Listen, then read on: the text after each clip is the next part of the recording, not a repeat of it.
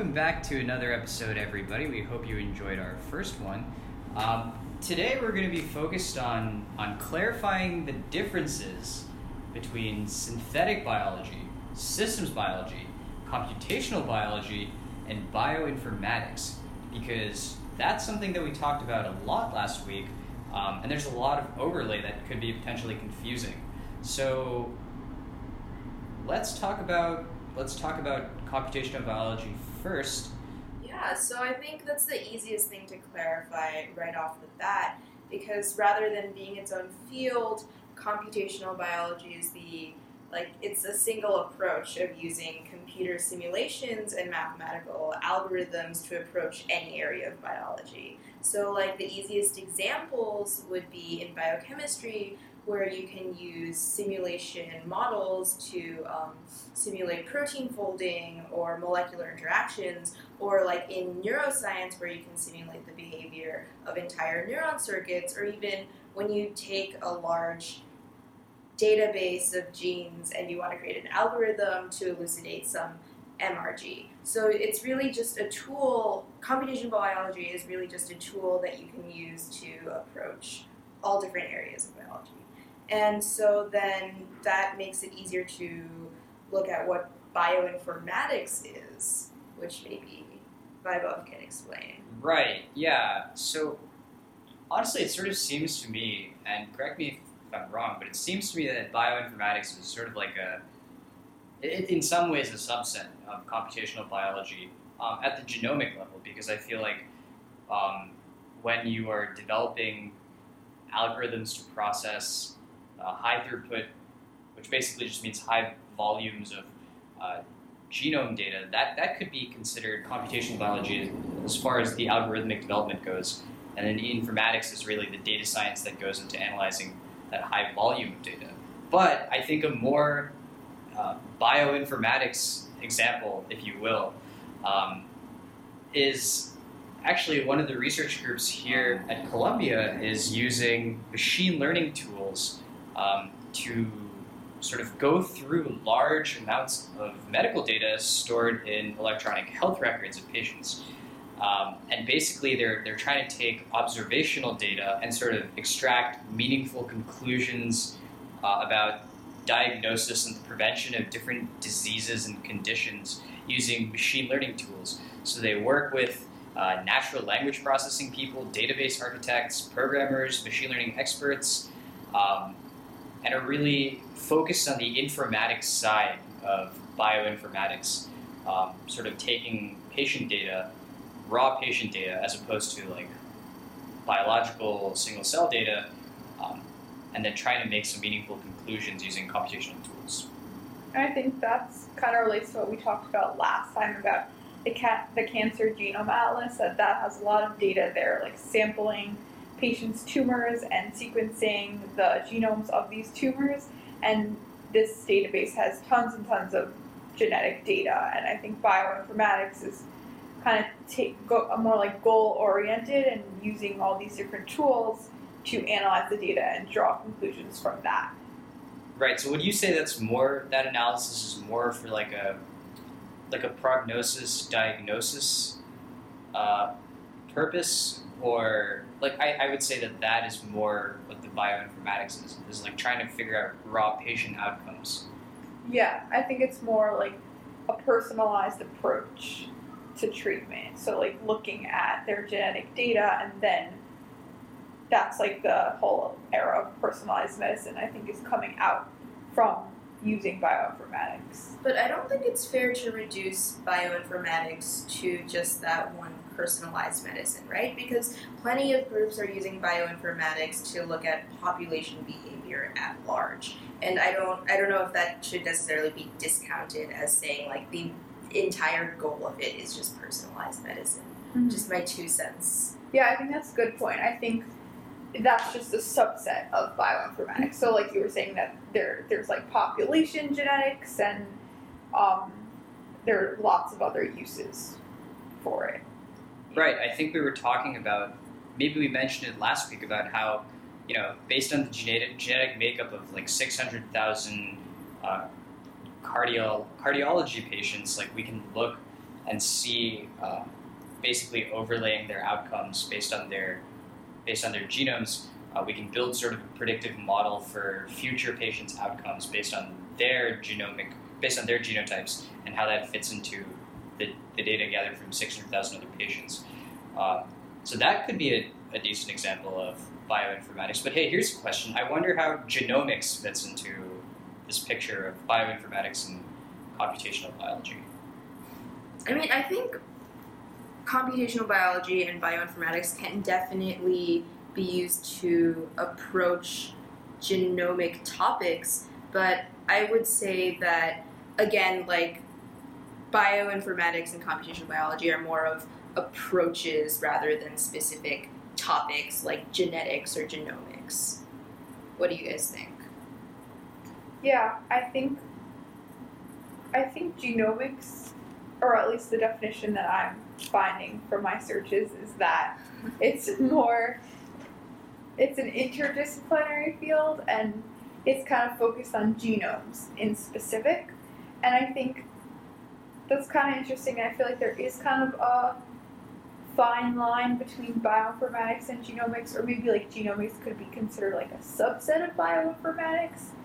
Because I'm just remembering from I took this class last year, and we did the professor referred to this class as bioinformatics, and we did a lot of different things. But we did like sequence alignment, so that was like taking a genome from like one patient or one cell or whatever, and then aligning it with another genome and seeing how connected they were matched. And that's like kind of you can map like evolution or like phylogenetic trees you can map, make from that and different things. And I think that's maybe would fall under the category of genomics also because like genomics is focused on the genome.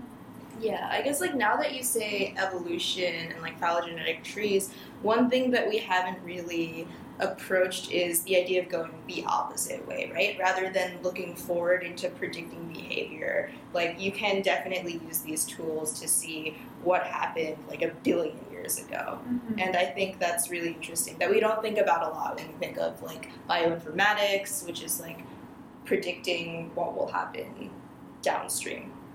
Right. Yeah. You know, I think when you talked about like matching sequences, I thought of like I don't know how many of you guys out there have used like BLAST tools like BLAST N, BLAST Yeah. P. These are uh, read alignments where you basically uh, you can use them to track uh, conserved sequences, highly conserved sequences um, between various species of organisms by you know aligning genomes. Um, and I think that's a cool way, as you mentioned, to sort of uh, figure out the evolutionary relationships that exist. But of course, that's a tool that can be applied um, in, in a patient outcome setting where you're you know, aligning different people's genomes and then looking at the patient outcomes and seeing whether there's any correlation between conserved sequences between patients, um, probably very small conserved sequences, and then you know the the outcomes associated. Because also it's not just genomics, right? There's like proteomics, me- metabolomics. Yeah, There's lots of omics out there, and that's true. Yeah. I think the one thing we need to emphasize is that these are not these omics and bioinformatics are not mutually exclusive. It's not like you can have genomics um, without bioinformatics, and consequently, if you don't have the problems associated with genomics, bioinformatics sometimes may not have something to motivate its its development, right? Because it's it's a it's a field that originates as a motivation uh, with, with motivation to solve uh, high throughput data problems. I agree. And I think what you mentioned, Vibe, you said DNA sequencing, and I think that's something important to note here is that like all these tools used to sequence DNA in all different types of organisms, I think that's a big breakthrough and that could fall under the category of genomics or bioinformatics or maybe even synthetic biology, which is another area that we wanted to talk about today.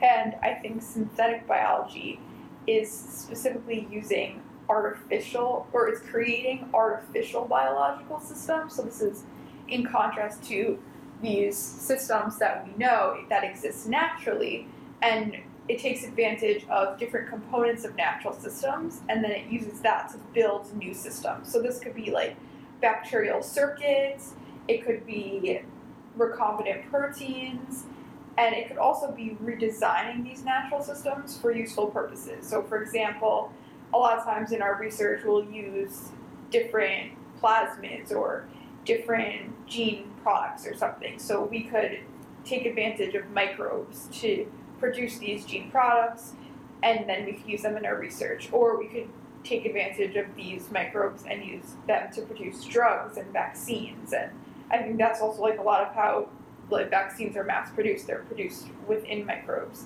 and then they could be distributed widely. And we could also use these microbes and engineer them to produce natural products like biofuels and other things that are helpful for us. Um, and this, I think, is pretty much just engineering applied to biology and just creating these, first of all, artificial systems or just redesigning natural systems. That would be what I think synthetic biology is. Interesting. So it sort of seems like synthetic biology engineers components that then have the potential to interact with a larger larger system. So I guess my I'm, wondering what the relationship is between synthetic biology and systems biology. So systems biology is more studying these natural biological systems. So we know that let's say like all the cells in one of our organs work together to like make our organ work. And then we also have even bigger than that, like all these organ systems work together. And then how do these these all work? So systems biology is just studying these large systems as these wholes that are created of these different parts and they use different tools we talked about like in computational biology like modeling and different simulation in order to decipher like how these systems work and how the different parts work together to make this cool working whole. Right. You know, I, I it sounds like we're talking about a lot about like large systems, but like I don't know. I, I think that maybe you know a system doesn't have to be maybe as large as organ systems. Um, I know, Allison, you're pretty interested in, in single cell organisms, right? microbes. So, would you say that a microbe qualifies as a system? I think a system can be a lot of different things, right? Like you can think of a simple, like a few genes in an operon, and I would say that's a system on its own. And plenty of synthetic biology projects hijack like those specific operon systems to do things. Um, I guess like the, the term system is loose, right? It's just a bunch of components that interact in one like feedback kind of mechanism. And yeah, I think so. I think it's kind of systems biology is kind of hard to define because it seems to be so broad. Yeah. Um, there's this international systems biology website that defines systems biology as a holistic approach to deciphering the complexity of biological systems. And this is based on the fact that there are different networks within biological organisms that work together. And these different disciplines like computer science, engineering, bioinformatics, biology, all these others work together to try to understand how these systems work. Right. So I guess it seems like the the mission statement of a lot of systems biology research groups is sort of to have like a big big picture understanding in mind, like maybe how I don't know, different cancerous phenotypes affect the the breast cancer landscape in terms of like malignancy and how dangerous certain breast cancers are. But then to answer that question, they, t- they look more closely um, at an individual level, um, maybe using things like uh, single cell sequencing that we can, we can talk about later. But Allison, you mentioned something about like hijacking genetic circuits, which sounded pretty interesting. Could you give us, a, give us an example um, to illustrate that a little more clearly? Um, I think the easiest example is actually something that Miriam brought up on our last podcast, which is um, Oh. Tal Danino. Yeah. I feel like you know this better, so you can explain. So Tal's research, he's published a lot of papers on this, but he basically uses bacterial genomes as a circuit to have them do certain things, such as quorum sensing, because bacteria can sense different things, and then we can take advantage of this to have them sense things like cancer or yeah.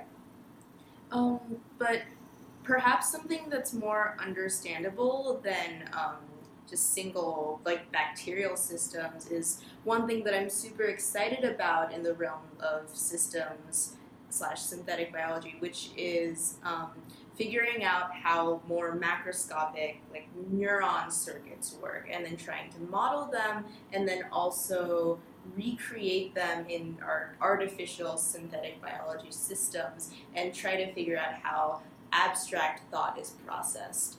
And that's something I hope we can talk about more in a future podcast. Um, Right, right. You know, I think um, maybe maybe we should talk about uh, single cell sequencing a little bit more, um, and sort of why that might be a good illustration of systems biology and how how it ties together maybe sort of the other fields like bioinformatics and computational biology that we were talking about. Um, and, and I think it's a good demonstration of how systems biology is sort of an umbrella, an umbrella field.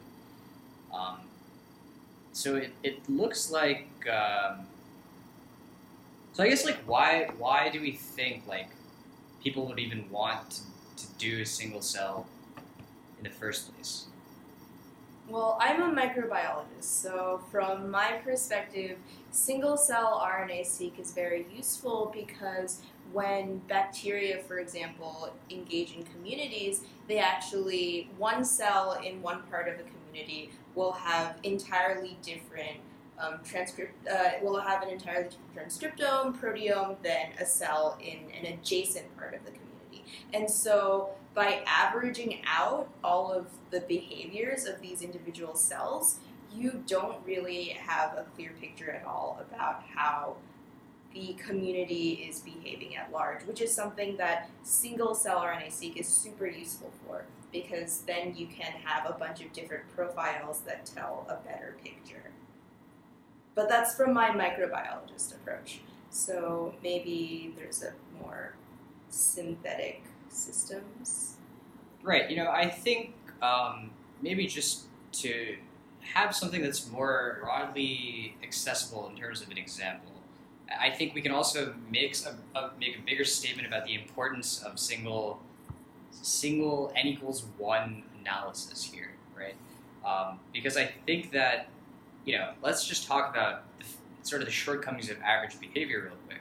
Like, I'll give you the example. So let's say um, myself, Miriam, and Allison are all trying to get from Columbia to the Empire State Building. Um, and we each go on our phones and look up ways to get there, and it gives us three different paths each to get to the Empire State Building.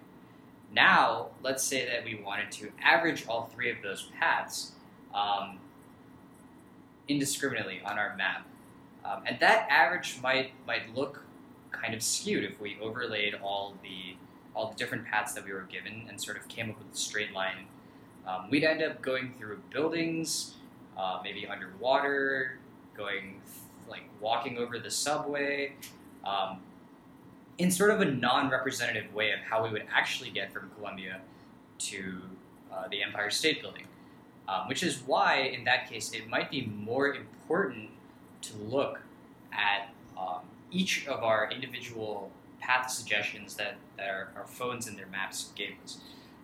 So that's a little bit of a contrived example, but I hope that the the importance of, of that mindset to diseases such as cancer, where there's so much diversity and mutation, are, are is clear. I don't know. What are your guys' thoughts on? Right. So our individual profiles of our behavior is not necessarily the sum of its parts. Okay, um, maybe we can talk about uh, how how single cell analysis is actually being used, and we'll use um, we'll use cancers as an example. So, over at the Sloan Kettering Institute here in New York City, um, we are they're looking at like how different tumor microenvironments, um, based on their you know compos- based on the composition of certain cancer cells, such as supportive tissues, fats, and and interactions with many kinds of immune cells, can interact with each other and influence how these how these tumors behave. Um, and so it becomes important to use uh, computational approaches to to model the behavior of these cells and also study their genetic profiles at an individual level, and then take a look at how these individual uh, genomic profiles, genetic profiles interact um, together to give sort of more of an averaged behavior of, of the cancer. And I think that once we get a better understanding of what happens at like a single cell level, we're better able to des- design, you know, uh, precise, targeted methods to go after individual mutations and aberrations, as opposed to trying to look at sort of an averaged uh, mutation or aberration, if you will, and trying to come up with an average drug, which, as we've seen from the whole direction to the Empire State Building example, may not always be the most clear um, and representative way to do things. Yeah, that's very interesting. I think from what we've just talked about now, I think we have a pretty good definition of all these different areas of biology and engineering and computational approaches and how they all are defined and can be used in many different ways. So, just to recap, we defined computational biology, we defined bioinformatics, we defined synthetic biology, and we defined systems biology. And we just want to give you a little preview of what we will be speaking about next time. So next time I will be speaking with Dr. Raul Rabadan, who is a professor in the Department of Systems Biology and Biomedical Informatics, two buzzwords that we just talked about today. And he uses computational approaches to answer some of the systems level biological problems that we've talked about. So, one thing that's actually highlighted on his website that they recently worked on was characterizing compartment specific long non coding RNAs that are associated with pancreatic ductal adenocarcinoma.